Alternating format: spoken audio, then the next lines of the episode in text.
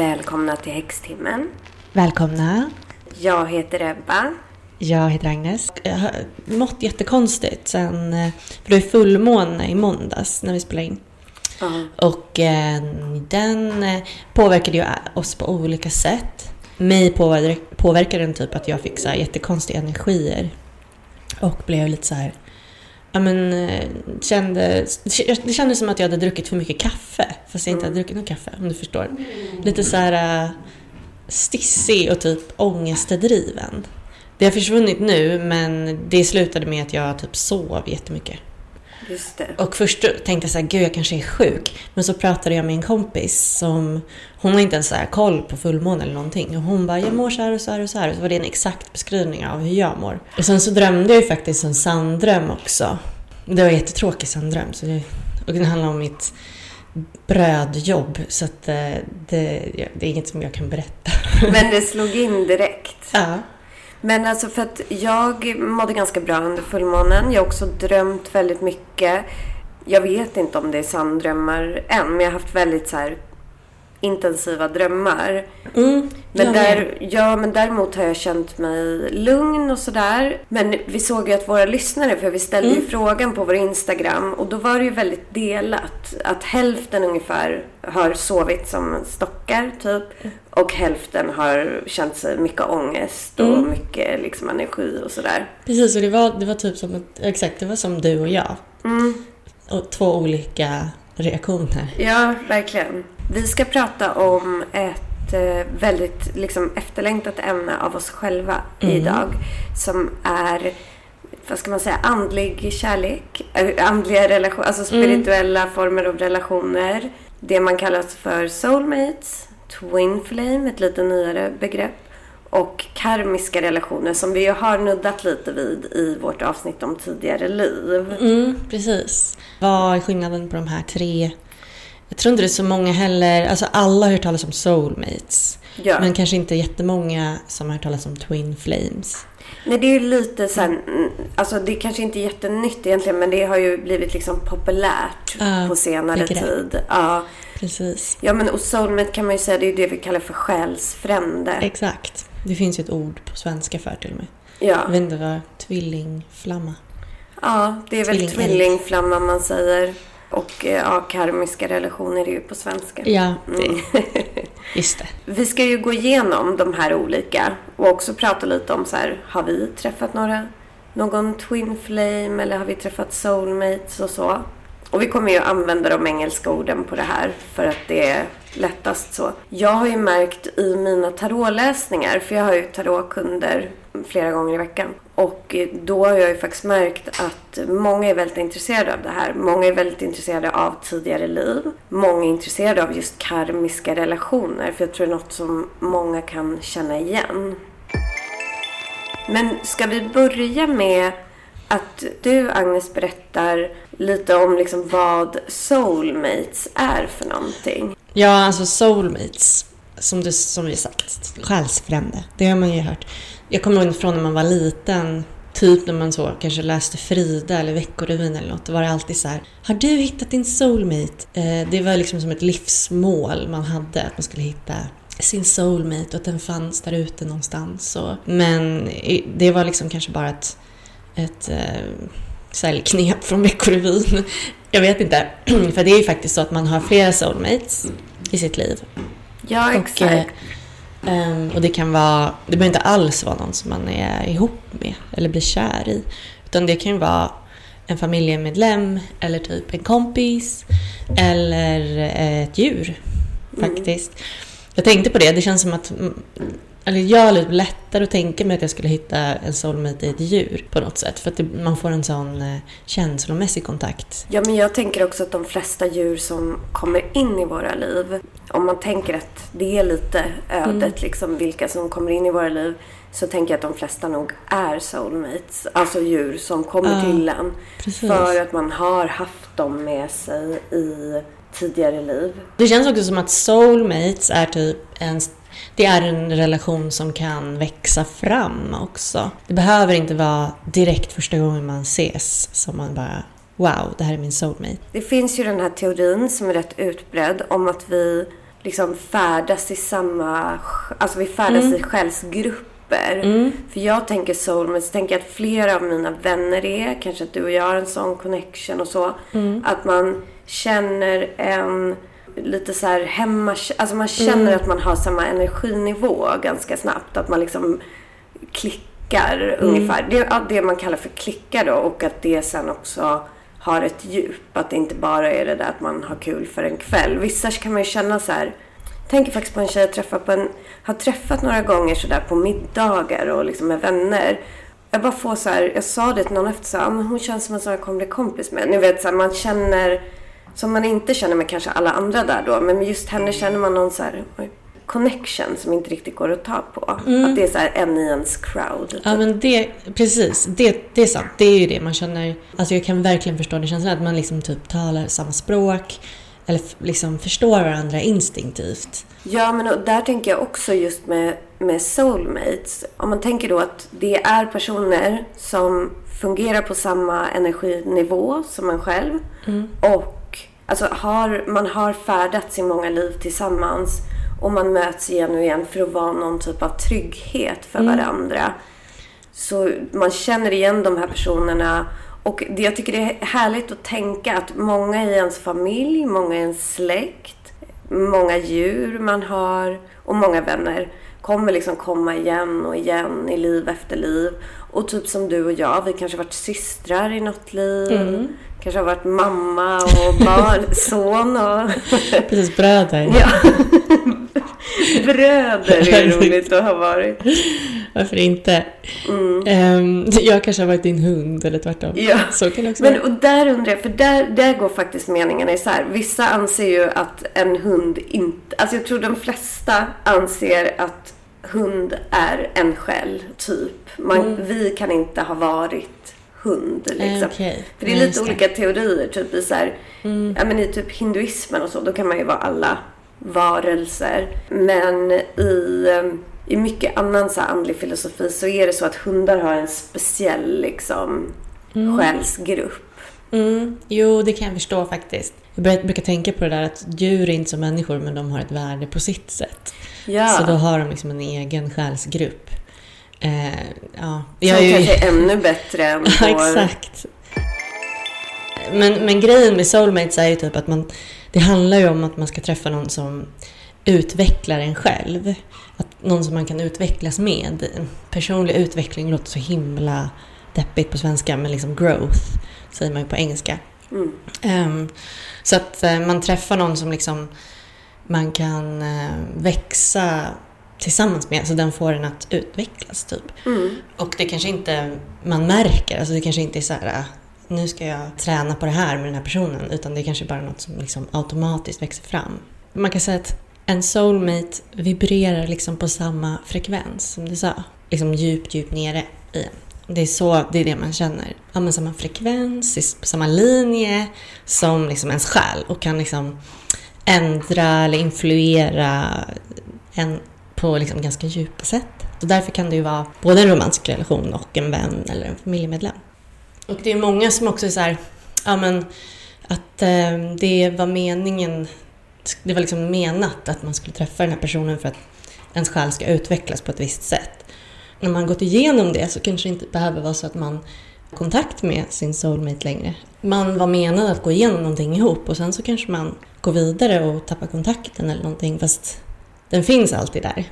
Så det behöver inte vara någon som man är med för resten av sitt liv heller. Men när jag tänker på mitt liv, tillbaka på det, så kan jag nog ganska tydligt se vilka vänner som jag verkligen känner har, jag har haft själslig koppling med. Och det är vissa som jag eh, har kvar i mitt liv. Alltså jag har en grupp vänner som jag har varit, de är inte en grupp så att de umgås med varandra så, utan det är liksom, jag har ett antal vänner som jag har hittat under livet som liksom väldigt länge har... De är som någon slags... Alltså, de kommer alltid vara kvar på något sätt. Och de kan jag ganska tydligt se också hur de har kommit in i ens liv. Att det kan finnas nästan lite sådär ödesaktiga saker. Sen har jag några relationer just som inte har hållit, alltså vänskapsrelationer som inte har hållit för alltid. Men där jag tror att man kan ha haft just den här soulmate-kopplingen också. Ja, exakt. Ehm, jag tänker ganska ofta på det. Just det där med att det finns mycket i, mina i min personlighet som jag har fått från tidigare vänskaper. Jag tänker när man pratar kärleksrelationer mm. och det vi kommer gå in på, alltså när vi ska prata twin flame och karmiska relationer, för de är ju oftast eh, koncentrerade kring kärlek. Soulmate kan ju vara både och. Men jag tror att de mest harmoniska kärleksrelationerna är nog med soulmates. Mm. För då har man liksom en, ett lugn i varandra, någon typ av trygghet och sådär. Men som mm. inte triggar en massa karmiska mm. liksom, grejer. Och jag kan nog tänka mig typ att framförallt en relation jag har haft, den mest fungerande relationen, tror, där tror jag vi har en liksom soulmate connection. Jag har ju väldigt så här starka upplevelser i kärlek, vilket jag alltid har trott att alla människor har. Men sen när jag har berättat om de här så har jag fått veta att liksom, nej men jag har aldrig känt sådär eller så. Men för att första gången jag träffade den personen som jag sen gifte mig med, det var väldigt så här ödesaktigt. För det var verkligen så här, jag gick åt ett håll, det hände, alltså en kedja av mm. händelser som gjorde att ja, vi liksom möttes. Ja. Vi var inte ens i Sverige, det var ju typ... Nej, jag var faktiskt i USA och pluggade och eh, min kompis ville gå till Magnolian Bakery som var väldigt eh, populärt i Sex and the City. Och vi gick och gick, för vi var så långt därifrån. Så vi gick jättelångt och så kom vi dit till slut och köpte cupcakes och satte oss ute så här, utanför det där kaféet. Och då var det en barnlekpark bredvid. Och då så var jag så otroligt kissnödig så jag bara, jag måste gå och kolla om det finns en toalett i den där parken. Alltså det var någon skjul. Så går jag dit och det var ingen toalett. Men då möter jag då han jag gifte mig sen med bror. Som jag inte visste var i USA eller i New York. Och han var så men gud är du här? Och då bestämde vi, ah, ja men om du ändå är här kan vi ses och fika. Och så gjorde vi det kanske en vecka senare. Och då sa han att, ja ah, min brorsa kommer hit också. Och jag vart lite såhär, jaha, typ oj jag har aldrig träffat honom och sådär. Och så kommer då den här personen och jag bara kände första gången vi liksom tog i hand och hälsade och jag kommer aldrig glömma det ögonblicket så var det något jag visste att det var någonting. Det, bara var, det var inte att jag blev kär i honom eller så, men jag bara kände igen någonting. Det var någonting som liksom blixtrade till och bara okej, okay, det här är en viktig person. Men där tror jag just att vi hade, alltså det är absolut inte min twin flame, men jag tror att det var en sån själslig, alltså vi kan ha haft, vi kan väl säkert ha haft kärleksrelationer men också familjerelationer i olika, jag tror att vi har varit syskon och sånt där i flera mm flera olika liv. Ja, exakt. Mm. Men det där är så häftigt när det är sådana där grejer. Typ, tänk om du hade kommit Tänk om du hade tagit dig tid att gå på toa innan du gick ja, hemifrån. Vet. Eller om du hade tänkt så här, oh, gud jag kanske borde göra det innan mm. vi går. Då hade, inte det där, då hade du antagligen inte träffat honom. Nej, och jag hade ju typ inte... Inte då i alla fall. Nej, precis. Mm. Och sen så, för vi bodde ju rätt nära varandra hemma. Alltså bod, båda bodde vid Sankt Eriksplan. Men man vet ju, alltså det finns ju massa människor som man aldrig träffar. Yes. Alltså det är så här, äh, bara att jag var i New York, att han var i New York, att hans uh. brorsa var i New York, att min kompis ville gå till Magnolian Bakery.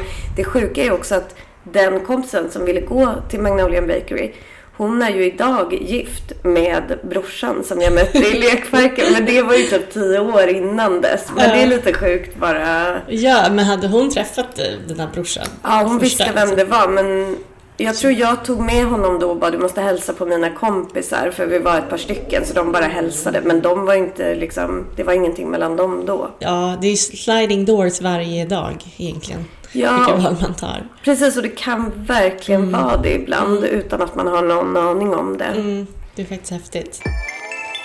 Med husdjur också tänker jag att det blir så himla tydligt på något sätt vad deras uppgift är. Och det är där jag tror djursjälarna kan vara lite speciella. De har såklart ett egenvärde i sig men de får nog ofta en uppgift liksom att du ska hjälpa den här människan eller sådär. Mm. Det är lite det här som så här, häxornas spiritus familiaris som det kallas. Mm. Alltså en, ett djur som hjälper häxan i sitt spirituella arbete.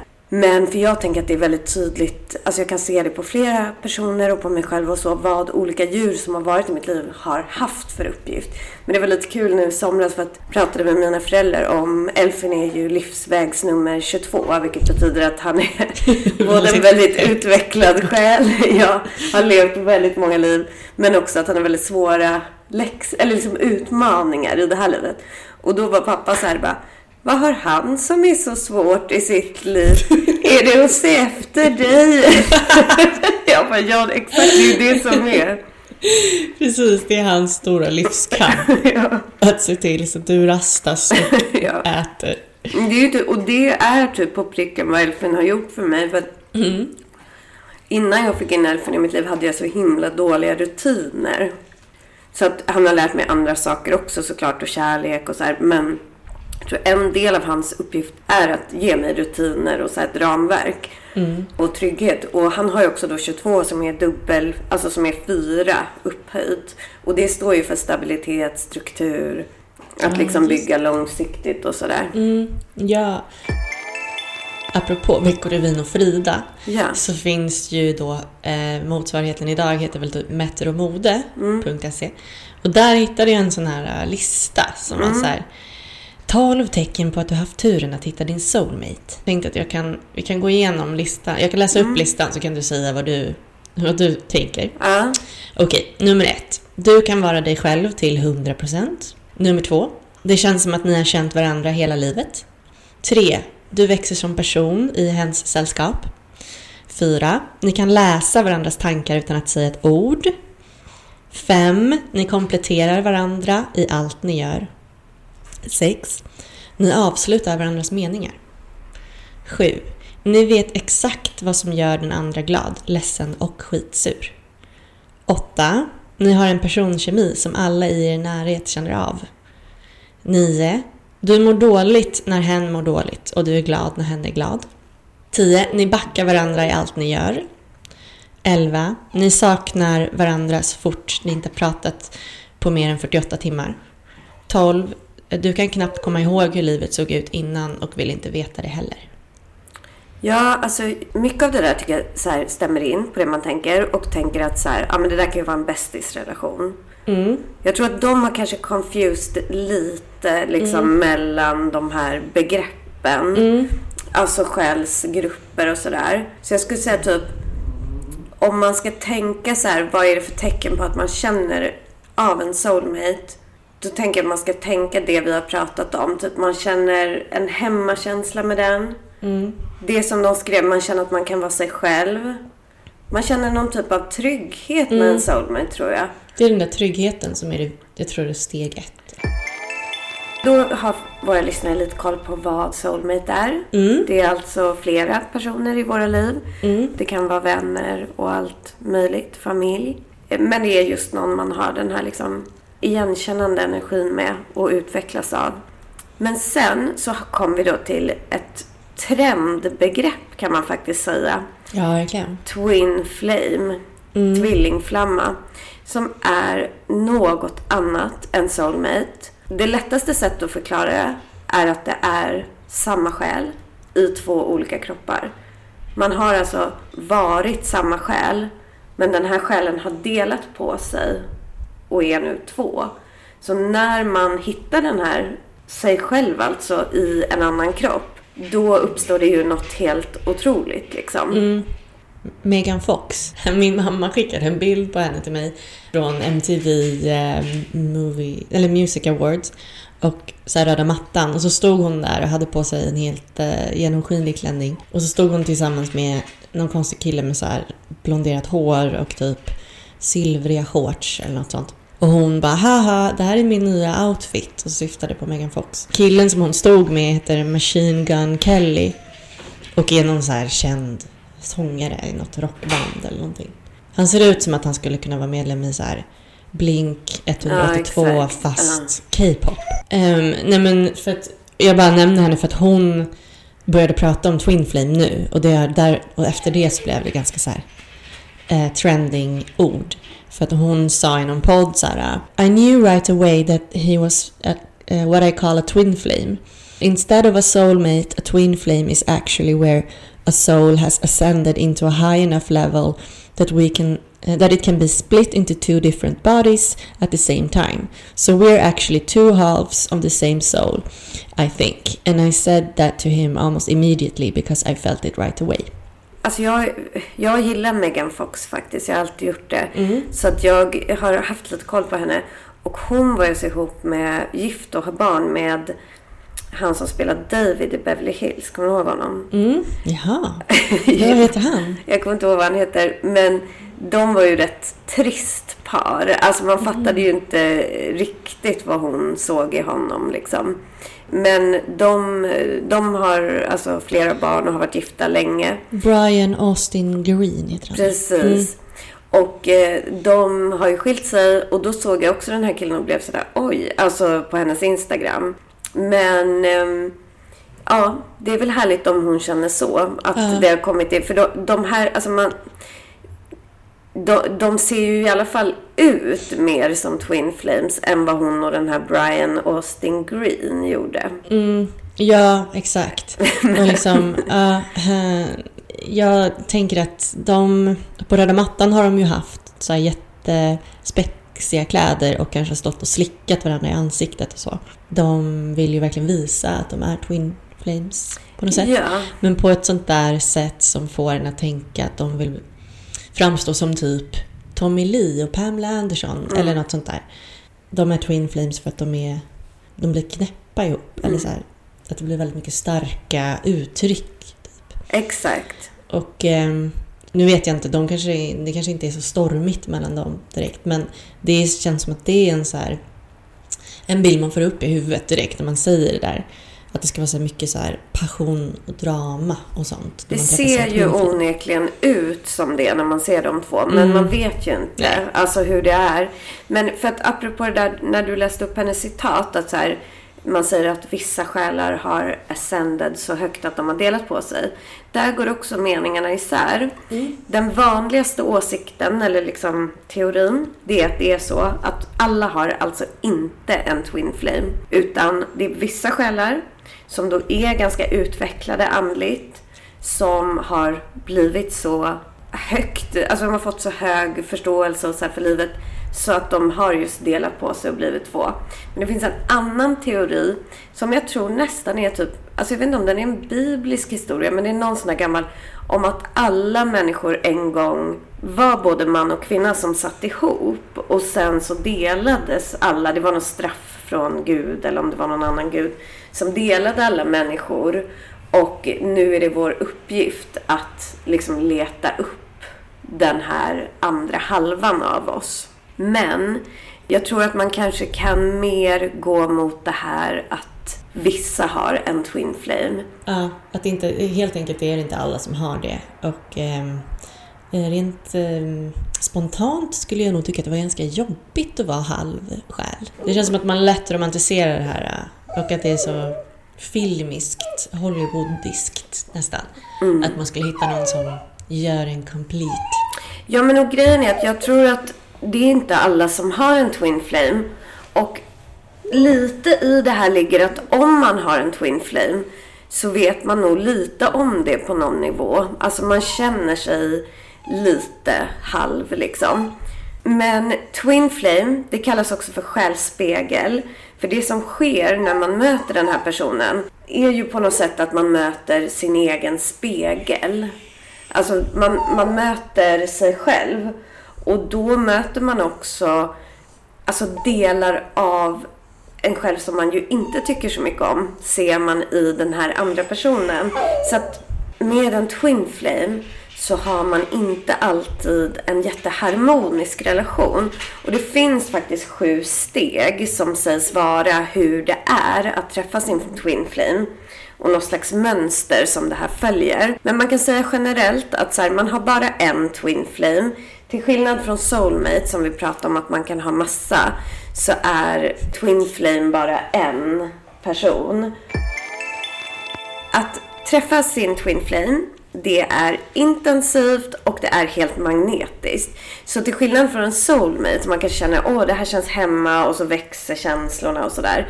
Så att träffa sin twin flame, det är så helt intensivt och man bara dras till varandra som två magneter. Man kan inte liksom vara utan varandra. Och det är som det här citatet som du och jag pratade om innan. I vårt universum så är allting energi i rörelse, även djupt ner i oss. Och det är därför det blir så himla liksom magnetisk och kraftfull attraktion mellan Twin Flames. För då är det liksom, man är ju då samma energi mm. som är i rörelse som sammanfogas. Man har liksom slitits isär eller vad man ska säga och nu kommer man tillsammans. Om man jämför Twin Flame och Soulmate så är det så här, Soulmate är någon som är gjord från samma sorts energi som du. Twin Flame är någon som är gjord av samma energi som du. Alltså du är samma energi som den här personen. Och vissa tror att Twin Flames ibland kan vara en väldigt intensiv vänskap. Men de flesta menar att det är en, oftast en romantisk kärlek. Nej, men sen kan man också säga att om man har en Twin Flame i det här livet som lever och finns då kommer man träffa den här personen. Så man behöver inte vara så här, och jag hittar inte min twin flame, utan den kommer komma in i ens liv. För man dras till varandra som två magneter. Så att man kommer på något ödesmättat sätt att ses. Och man kommer veta när man träffar den här personen. För att det blir en liksom, man får en direkt igenkänning. Men många som träffar sin twin flame då beskriver det som att de känner att de har känt den här personen hela sitt liv. Och det viktiga med en twin flame, för att vi ska ju prata också om karmiska relationer mm. som är ofta ganska problematiska. Mm. Och en viktig skillnad mellan karmiska relationer och twin flame relationer är att ens twin flame sätter igång någonting i en. Ofta ett spirituellt uppvaknande eller någon typ av liksom kreativt och konstnärligt uppvaknande. Så det händer någonting. Det är inte så att den här personen kommer in i ens liv och skapar kaos. Utan den kommer in i ens liv och liksom väcker upp delar av en själv som blir till någonting. Mm. Och det blir alltid romantiskt. Eller hur? Eller? Ja, alltså vissa säger att det kan vara inte romantiskt. Alltså att det mm. kan vara platoniskt men då väldigt intensivt. Men typ inte. Alltså det verkar som att det i princip alltid är en romantisk eh, connection. Finns också, jag läste en berättelse om en kvinna som var lyckligt gift med en soulmate eller liksom en själsfrände. Men hon drömde jättemycket om en man som hon inte visste vem det var men som hon var jätte... Alltså det var hennes twin flame. Och jag läste det också. Ja, för hon gjorde ju en sån här regression och då kom ju han så, men han var ju död i det. Mm. Alltså han fanns inte i den här livstiden. Mm. Men då får hon ju träffa honom i en annan livstid. Det tycker jag låter jättejobbigt. Därför jag helst inte vill ha en tvilling. Ja. för mig är det liksom tvärtom. Uh. För att med reinkarnation, alltså funkar den tanken för mig så att så här, jag behöver inte göra allt i detta liv. Alltså, mm.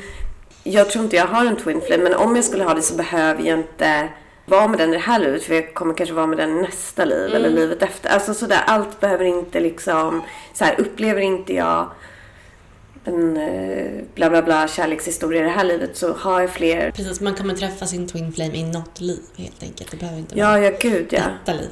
Och jag, säkert i flera. Uh, för jag, jag, liksom, i mitt huvud så känner jag så här, den mest så här, hälsosamma relationen när, när två helheter möter varandra och inte två halvor. Mm. Men det är kanske inte exakt så det är med Twin Flames. Men... Ja, de blir ju en helhet. Mm. Så det är ju därför det ska vara så speciellt. Mm. Men jag har funderat, för, att, för det här är ju en extremt intensiv relation. Och vi ska gå in lite, jag ska berätta hur det funkar när man träffas. För det är inte så här, jag tror det kan väl vara på olika sätt, men det finns som en liten så här karta över hur det fungerar att mm. träffa sin twin flame. Men jag funderade på så här, har jag någonsin träffat någon som skulle kunna vara en twin flame? Och då det närmaste jag kan komma, det är faktiskt, men, men också, det ska jag säga som talar emot att den här personen skulle vara en twin flame för mig. Det är att en twin flame är inte någon som försvinner ur ens liv, utan relationen med en twin flame fortsätter. Så att annars är det mer troligt att det är någon typ av soulmate eller någon typ av karmisk relation. Men det är klart att relationer kan ta slut och sen komma tillbaka. Och den, den personen som jag tänker på, det är faktiskt han som jag var tillsammans med, alltså min första stora kärlek. Och då är jag medveten om att tonåringar liksom har så här exalted emotions. Men där hade jag också så, det är två ögonblick som verkligen kommer ihåg. Som, alltså det var faktiskt lite andliga upplevelser. Oj, då? Ja, men det var första gången han tog mig i handen. Då hade vi aldrig ens kysst varandra eller så, men det var första gången vi liksom rörde varandra och han tog min hand. Och det bara var som en så jäkla stark känsla av att komma hem just. Alltså jag kände som, och då var man ju närmare sin barndom. Mm. Kände som att jag på något vis kom tillbaka till min barndom. Det var verkligen så här, nu är jag hemma. Mm. Och den känslan har jag aldrig efter eller innan haft så starkt. Och sen så var det en annan specifik sak som jag verkligen kommer ihåg. När han och jag låg någon gång och kollade på TV och jag liksom låg mot hans bröst. Och då så tog det mig tillbaka till när jag var litet barn. Alltså ungefär i 3-4 års åldern brukade jag ligga så på min mamma. Mm. Och då kände jag mig så totalt eh, trygg. Alltså den här riktiga så här, nu är jag hemma, jag är trygg. För då har man just varit i magen, tänker jag. Alltså mm. det var därför man fick den där liksom riktigt så här, här ska jag vara-känslan.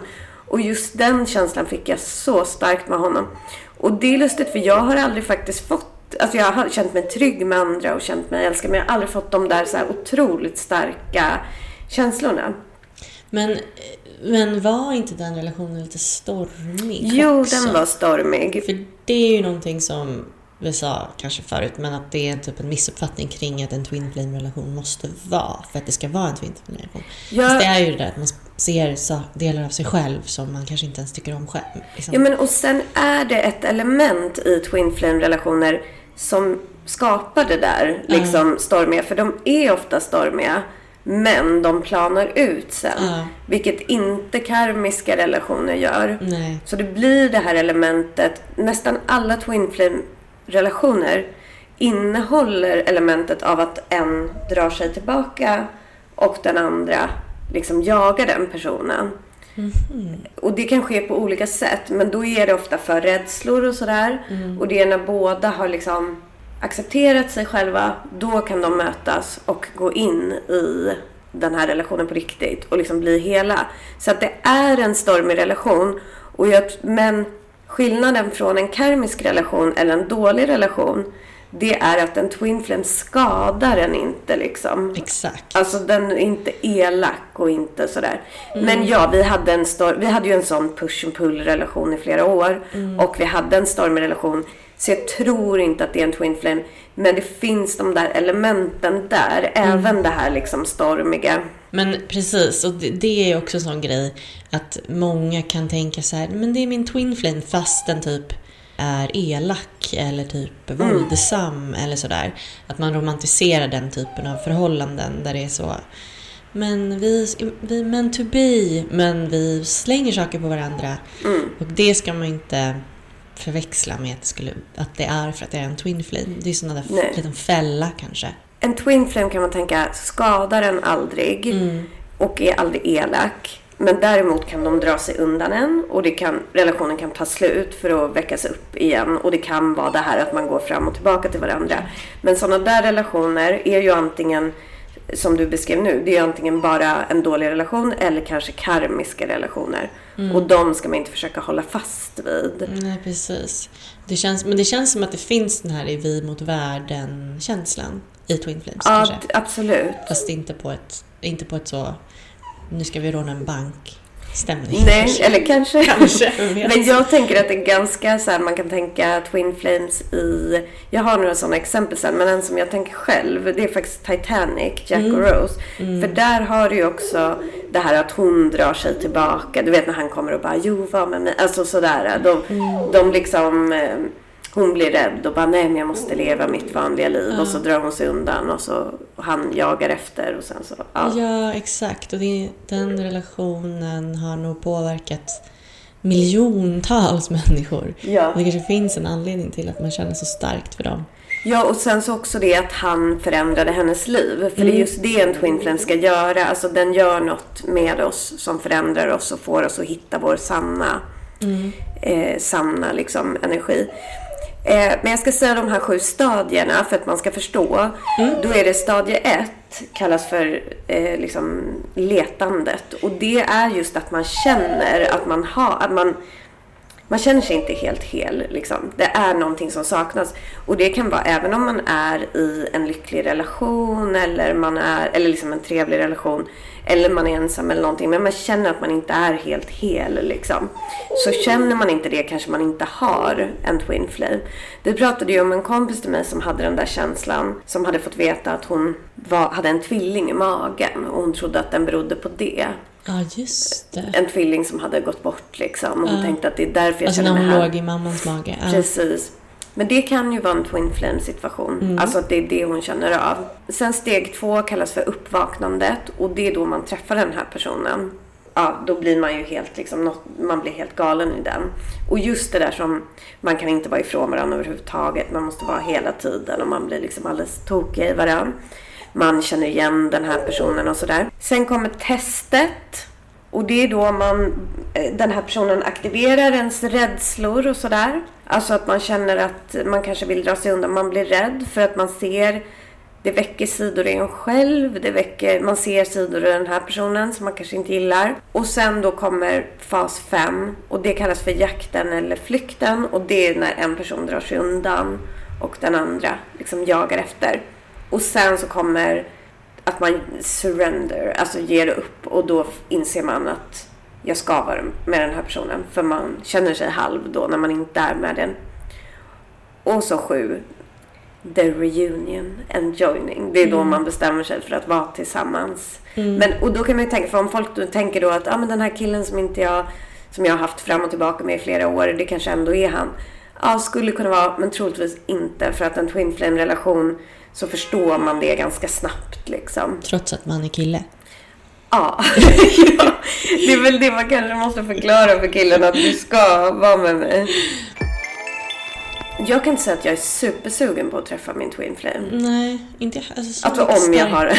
ja. Ja, men jag tänkte för att um, när vi började prata om det här förut, som jag sa också förut, så tänkte jag direkt så här, ah, Twin Flames, det måste vara typ, eh, så tänkte jag så här, ja ah, men det är Tommy Lee och Pamela Anderson, typ jättestormig relation.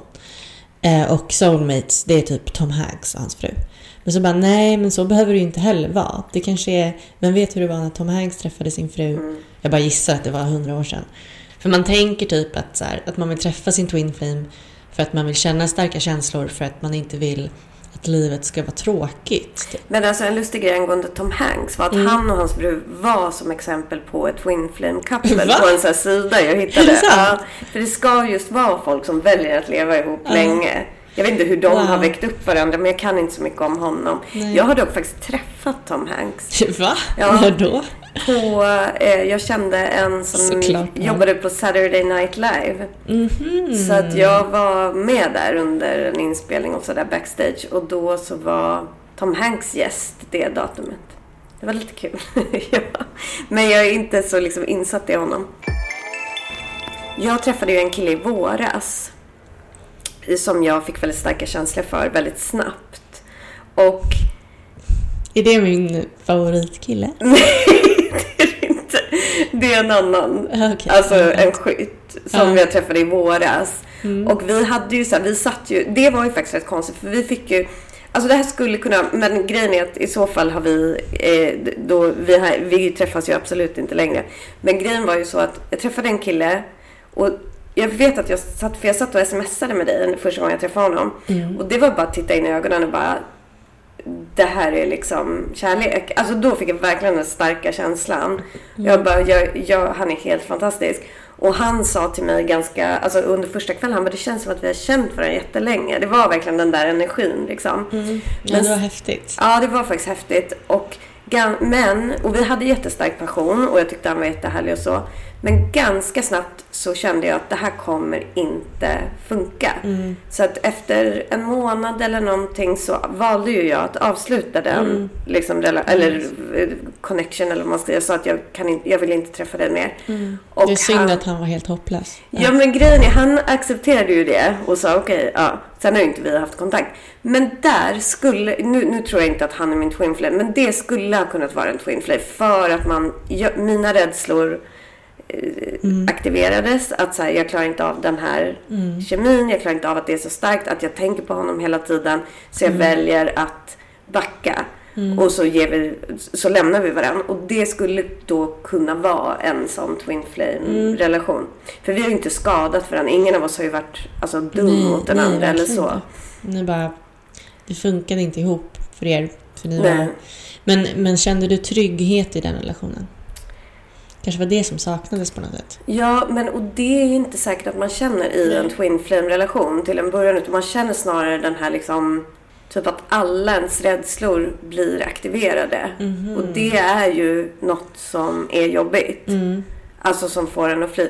Nej, alltså din favoritkille tror jag verkligen inte är en twin jag verkligen inte. Absolut inte. Nej, det finns liksom inga sådana element. Alltså, så. Men låt oss hoppas att han har en twin flame som han kommer träffa då, för annars så är det kört för honom. ja. Det kommer inte bli något där med någon. Men, men han kan vara bra på andra sätt, men han är inte en twin flame.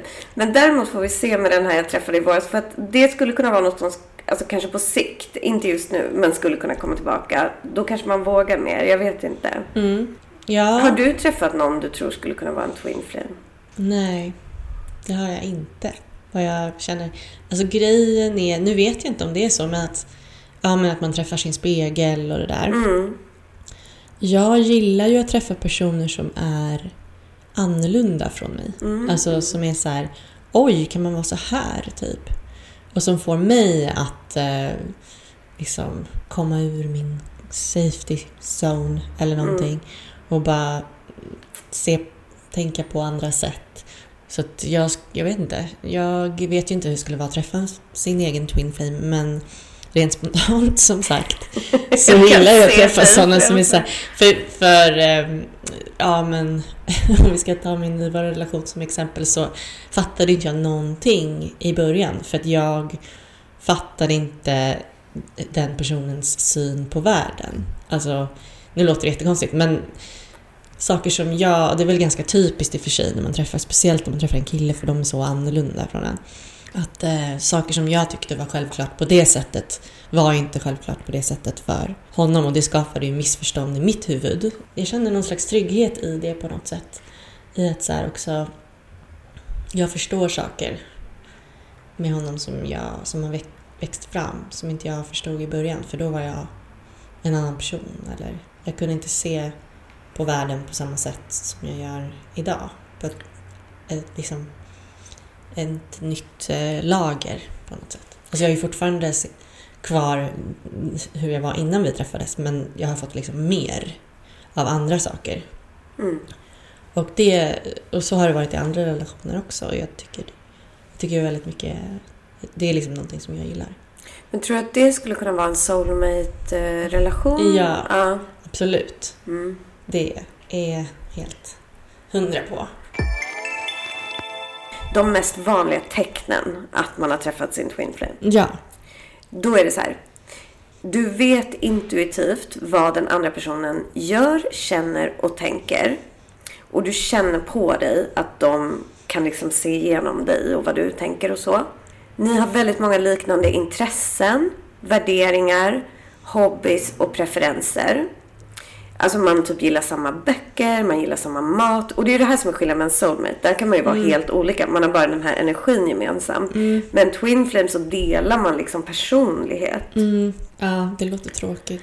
Ja. jag gillar olika. Så det blir typ så här, du får tänka på så här. Jag tänker de här författarna som du tog upp sist. Typ de sitter och pratar. Ja, Alltså du vet bara så här. Åh, ska jag skriva så här? Ska jag skriva så här? Alltså så där håller de på liksom. ja, jag fattar. Det är Ja. så. Mm, att man delar lite gärna. Kanske typ Sartre och Simone de Beauvoir. Ja, alltså lite den stämningen. Mm. Ja, det är sant. Jag tänker på Eva Dahlgren och Eva Attling. Ja, skulle faktiskt kunna vara. Det är, lämnade Niklas Strömstedt. Och de, de känns som ett så superpar. de skulle nog kunna vara det Mm, faktiskt. Jag tror också det. Ja. Ni har liksom samma tankar och samma känslor. Även om ni är på olika platser. Det är lite som att säga tvillingar. Alltså personer som är tvillingar. Så här, att de känner när den andra är ledsen och liksom det där. Och ni kan säga saker samtidigt. Alltså sådär råka säga att båda säger Oj, kolla där samtidigt liksom. Avbryter varandra typ. Ni känner en väldigt stark fysisk dragning till varandra. ni liksom måste vara nära varandra fysiskt. Ni har samma drömmar på nätterna. Och ni dyker väldigt ofta upp i varandras drömmar. Så att dels kan era drömmar dela samma tema. Liksom att du bara, men jag drömde om en djurpark och den bara, men det gjorde jag också. Innan, sådär. Men sen också att den här personen dyker upp väldigt mycket i dina drömmar. Och det gör den här killen som, alltså inte han jag pratar om som twin flame, utan din favoritkille gör det för mig. Så att kanske ändå är... Vadå han som gör... Nej! Nej, nej. Jag drömde Han är bara en symbol mycket. för någonting du ska undvika i det. Nej, Det bara men, att googla. nej, men, och sen så k- känner jag så här, kommunikationen bara flödar. Ni kan också bara titta på varandra och veta vad den andra tänker liksom. Ni förstår så här komplexa och liksom dolda sidor av varandra och det här kan skapa att man tycker att det faktiskt är lite obehagligt. Eller så kan det ge en känsla av att det är befriande. Typ att ni delar mörker och så här. Ni har samma svagheter. Och det kan också vara jobbigt för att då liksom highlightar den här personen dina egna svagheter. Och det kan man ju irritera sig på när folk gör tycker jag. och svårt att stötta varandra när båda Ja. är liksom svaga i samma saker. Ja, och det är jobbigt för att ofta är det ju vissa saker man inte gillar med sig själv. När man ser det i någon annan så kan ju det skapa obehag tycker jag. Ja, verkligen. Då påminner man sig själv om vad man hatar om- sig själv. Exakt, och liksom, ja, det är så där jag är. Alltså, mm. Det känns tryggt och naturligt att vara runt den här personen och man känner sig liksom helt autentisk med den. Så man kan verkligen vara sig själv. Och ja, man har, liksom, man har någon typ av telepati också. Så att man helt förstår den andra. Så att det här är de tecknena. Och så här, ja jag vet inte, jag tycker det är som sagt. Eh, men också så här, en jätteviktig sak i det här är just att en twin flame stannar kvar i ens liv. Det är ingen som lämnar den bara och försvinner. Det är inte heller så att den skadar en och det, den skapar, den väcker upp någonting i ens liv. Så man antingen utvecklas andligt och så eller ja, konstnärligt eller vad det är. Ja, men jag tänker att eh, det där som du läste upp nu, då kan jag verkligen förstå att man blir rädd, att det väcker mycket rädslor i en när man träffar den personen. För det skulle jag också bli. Man bara, ja men man drömmer samma saker, man har- delar samma mörker, man ser så många delar av sig själv i någon annan och man typ så förstår en på djupet, alltså även alla ens komplexiteter. För de förstår man kanske inte ens själv. Och sen så är det någon som bara som man förstår äh, man förstår varandra på det sättet. Det, det skulle jag också bli jätterädd för. Mm. Men en sak jag tycker vore sjukt kul, för att då också en sån här Twin Flame-expert sa så här att Twin Flames är ovanligt. För som sagt, det är inte alla som har Twin Flames och inte allas Twin Flame är med i den här livstiden. Men tydligen så, eller hon tror, att det finns fler Twin Flames på jorden just nu än någonsin tidigare. För att det är så viktigt, alltså jorden behöver så mycket så här villkorslös kärlek just nu. Och det är det som Twin Flames väcker upp. Så att hon tror att det är extra mycket Twin Flames just nu. Men en sak som vore helt sjukt kul är ju om det är någon av våra lyssnare som känner så här, ja, jag är med min Twin Flame, eller jag har haft min Twin Flame i mitt liv. Att den kan berätta det för oss. Ja, precis. Hur kändes det när ni möttes Ja, första gången? Och precis. hur, är, hur är er relation? Precis, och liksom vilka av de här tecknen känner du igen och sådär. En sak till som sägs vara, det är, och det kanske är det här Megan Fox håller på med, att eh, ens inre barn kommer ut när man är med dem. För de håller ju på, även om det är så sexuellt, typ hon hennes så håller de ju på så här leker och sådär. Ja, typ. precis. Det känns som de klär ut sig. Ja. De spexar liksom framför kameran och sådär. När jag kollade vad det var för par som har varit, eller som kända par som är Twin Flames. Då kom det liksom upp väldigt mycket olika så här, teorier om vilka par det var. Barack och Michelle. Faktiskt ingen som hade skrivit det, men Nej. det skulle de ju nog kunna Våra vara. go-tos. Ja, Alla som är liksom förebilderna nummer ett. ja, men jag undrar, de borde ju vara, men det var ingen som hade dem på förslag. Ja, men de borde vara. Ja, Och, för eh, de är ju verkligen... Jag tror inte Beyoncé och Jay-Z. Nej, det tror De känns jag mer som ett affärskontrakt. Ja, och han är sätt. typ otrogen mot henne. Ja, och så. Alltså det känns inte helt... Allm- han verkar allmänt tråkig tycker jag. Ja, han verkar astråkig. Nej, men det var typ såna här. Alltså, och det här är också rätt så här gamla. Men det tror jag det är för att man vet hur det har gått. För att om man säger nu att så här, ah, Megan Fox och hennes kille Twin Flame. Så Mm. gör de slut om ett år. Och så bara, nej men de var inte det. För de här vet man ju, de har levt ihop hela livet. Mm. Johnny Cash och June Carter. Ja, mm. Och då, Absolut. då är det bland annat för att så här, båda var gifta när de träffades men de kunde inte motstå sin connection. Och sen så var det också så att hon tvingade honom att förändra sig. Alltså Just sluta dricka och hålla på. Mm. Och det gjorde han då för henne. Och sen levde de tills eh, de Han dog. dog. Mm. Och sen så bland annat Spencer Tracy och Kathy, Catherine Hepburn. Och de har inte jag jättemycket koll på. Men de träffades som en väldigt så här ödesmättad slump. Och eh, de skapade filmmagi för publiken. och de levde tills de dog. Sen även John Lennon och Yoko Ono. Mm. Det kan man ju se. Absolut. Och eh, han dog ju väldigt tidigt, men i alla fall. Jag tänker också på Joan Didion och Mm. hennes man John Gregory Dunn. Hon skrev ju en bok efter att han gick bort. eh, Ett år av magiskt tänkande, tror jag den heter. I- i- Mm, jag har eller- faktiskt läst den. Ja. Ja. Ja, hon är ju otrolig. Och de var ihop liksom i typ 50 år eller någonting. Det känns ju som ett sånt par. Verkligen. Jag kom faktiskt på ett till. Laurie Anderson och Lou Reed. Ja, just det. Absolut. Han dog ju och då Ja. gjorde hon faktiskt en film som heter Heart of a Dog som jag Mm. jobbade med. Kommer ihåg? Den är så fin. ja, den, den är ju väldigt fin om hund. Det är verkligen ett tips om man har hund och gillar hundar. För den är väldigt, den handlar ju på något vis om Lou Reeds död också. Men den handlar även om hundens död. Och den är så otrolig, den är en väldigt konstnärlig film, handlar om buddhism och sådär. Hon är ju buddhist. Men den handlar också om den här extremt själsliga kopplingen man kan ha till en hund och till ett djur. Och ens, den inleds ju med en scen där hon drömmer att hon föder sin hund. Så skriv till oss på Instagram eller vad som Ja. helst om ni känner igen det här med Twin Flame och berätta. För det vill vi jättegärna veta. Jag lyssnade på en podd där en tjej berättade, en amerikansk podd. En tjej berättade om relationen hon hade sig till Twin Flame. Men den tyckte jag faktiskt inte lät så bra. Så jag är lite tveksam till vissa om det verkligen är en Twin Flame eller om det snarare är en karmisk relation. För att hon beskrev hela relationen som att det var liksom nästan att gå på äggskal. Alltså sådär. Äh, nej, ja, de hade liksom, nej vi har ingen fast och bla bla bla. Alltså det, det, var, det kändes bara, nej det där är Det inte. låter vä- ångest. Ja, jag tycker det låter som en karmisk relation. Vilket ju vi ska prata om nu. Och då tror jag att det är ganska lätt att missta en karmisk relation för en twin flame till en början i alla fall. Men det finns en stor skillnad. Och den liksom ultimata skillnaden, eller vad man ska säga, eller så här nyckelskillnaden. Det är just att en twin flame triggar något andligt uppvaknande eller något konstnärligt uppvaknande. Eller det här vi har pratat Alltså den får en att må bra. Och det ska inte ta tio år utan det ska ske ganska fort. Sen är det också så, en till skillnad är att en karmisk relation eller connection in, behöver inte ske, vara lång. Den kan vara till och med en vecka i vissa fall eller ett år eller några år eller ett halvår.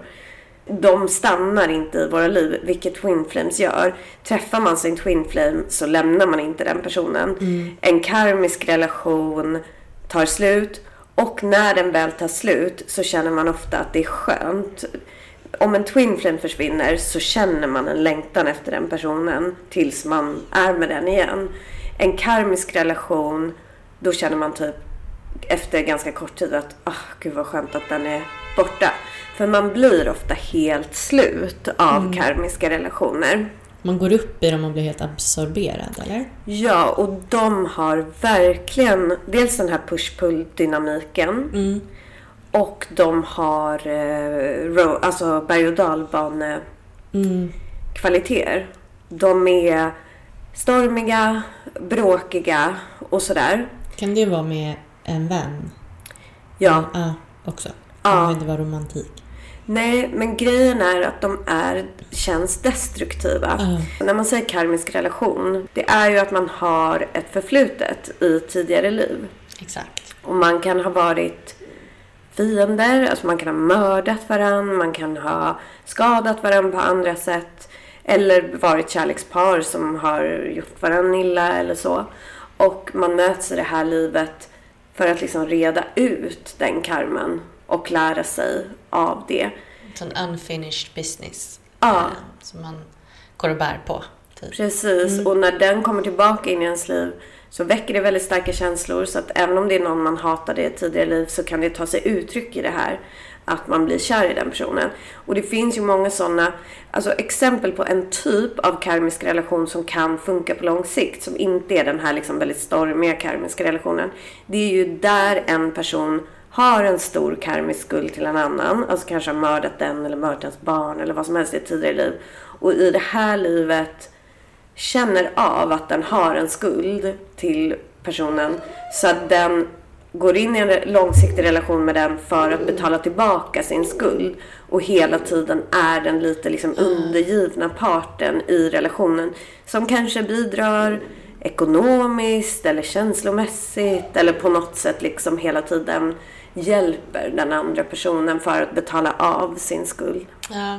liksom andliga gurus anser att varför karmiska relationer kommer in i vårt liv är för spirituella läxor. Alltså vi behöver lära oss vissa saker och det gör de här personerna även om det är väldigt jobbigt. Mm, men är meningen att man ska jobba igenom det? Alltså för att man har det här karmiska förflutna i tidigare liv? Eller, eller kan det också bara vara stormigt och sen så tar man det i nästa liv? Eller så? Alltså det kan vara stormigt och du lämnar det men då har du lärt dig Ja. någonting om det är en karmisk relation. Så den kanske tar slut och ni hatar varandra men du har vuxit av den relationen.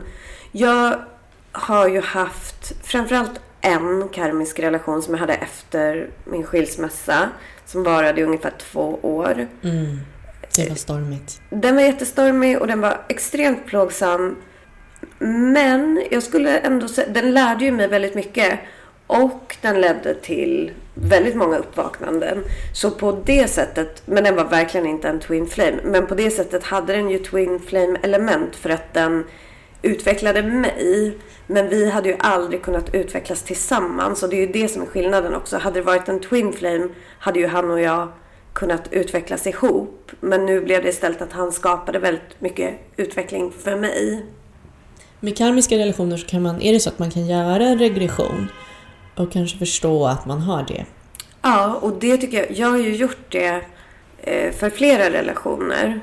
Och för mig har det varit, framförallt då när jag lämnade den här tvååriga relationen som var väldigt jobbig. Jag var helt slut. Eh, känslomässigt, eh, själsligt. Alltså jag var helt eh, körd i botten när den tog slut. Och för att jag skulle kunna gå vidare från den så behövde jag undersöka. Alltså jag behövde förstå varför jag kände så starka känslor för honom. Och det gjorde jag genom en tidigare livregression. Där jag fick se vad vi hade för connection och varför jag hade känt så här för honom. Och då var det ju det att vi hade ju varit tillsammans i ett tidigare liv och sådär och det var massa grejer. Men det som hade hänt var ju att han dog i det livet och lämnade mig. Och det förstörde mig totalt. Men så att när jag träffade honom igen, för vi träffades ju slumpmässigt, vi bodde ju inte ens i samma land, så det blev ju liksom en långdistansrelation. Men när jag träffade honom så sattes ju den här längtan jag hade haft efter att han dog Ja. i det livet sattes ju igång i mig. Så det blev så mycket känslor på en gång. För jag kände ju så mycket känslor för honom först, äh, efter någon dag jag hade spenderat med honom. Det var viktigt för mig att förstå det och det gav mig den nyckeln jag behövde för att gå vidare och släppa taget om den relationen. Mm. När man gör en sån regression, då går man till någon och säger man så här, jag vill veta om vi har haft... Så ger man någon slags uppgifter kring den personen till Man säger att jag vill undersöka, man går till en regressionsterapeut Mm. Och eh, så säger man då att eh, jag vill undersöka vad jag har för karmisk eh, liksom, koppling till den här personen. Så ber man då under hypnosen sitt högre jag att ta fram den informationen. För så kan man göra på samma sätt om man vill undersöka typ varför har jag den här fobin eller varför är jag sjuk eller ja men sådär liksom. Så, så man kan be sig själv. För det, det är ju det här akashiska biblioteket som Ida Thyrén pratade om. All den här kunskapen finns ju i oss. Och vi kan liksom plocka fram den där ur. Vårt högre jag gör det åt oss. Och det kommer fram till oss som bilder, alltså drömbilder ungefär, under en hypnos då. Den, min favoritkille, som Ja. inte är min favoritkille. Ja. Eh, visst gjorde du något sånt med den personen också? Ja. Ni har väl någon slags karmisk grej? Vi har karmiska kopplingar enligt mig, alltså enligt vad jag har undersökt. De är inte så här starka. Det är inte att jag har den typen av känslor för honom. Nej. Men jag har, alltså, jag tycker ofta man ser karman at play, eller vad man ska säga, när man inte kan riktigt släppa taget om varandra fast det inte funkar. Och så att jag undersökte det. Men jo, vi har ju en karmisk koppling som är ganska gammal. Mord. Ja, men det var inte... Alltså han, var, han bidrog till att jag blev mördad kan man säga. Men det var inte han som mördade mig. Nej.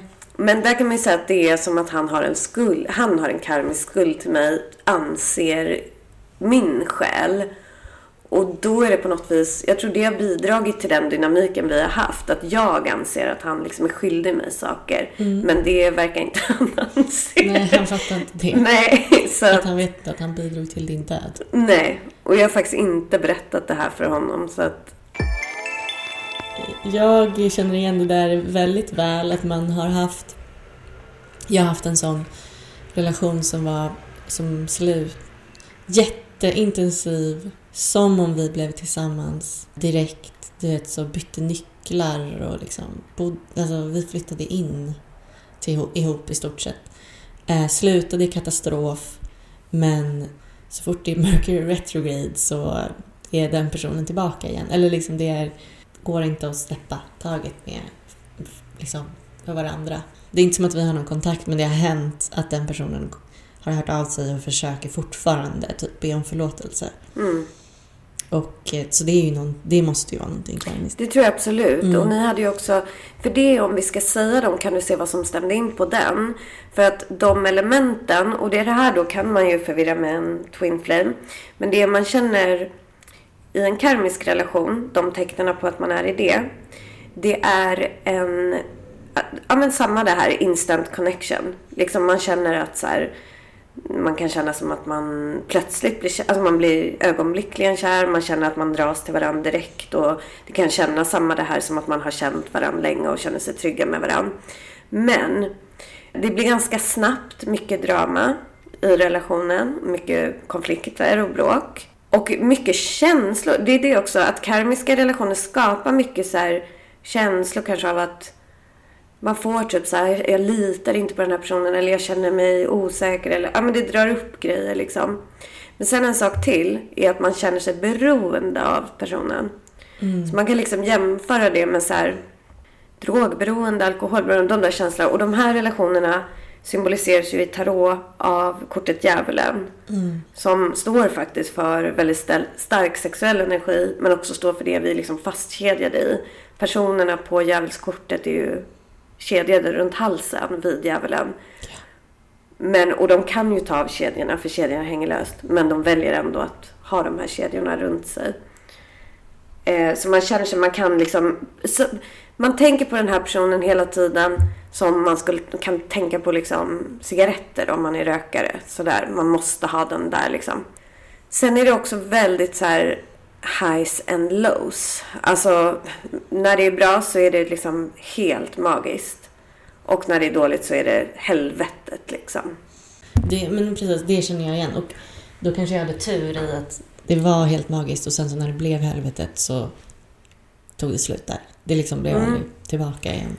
Det gick aldrig upp och ner, upp och ner, upp och ner. Utan det gick upp och sen så gick det ner och sen så tog det slut. Det var ju väldigt liksom, det blev väldigt intensivt.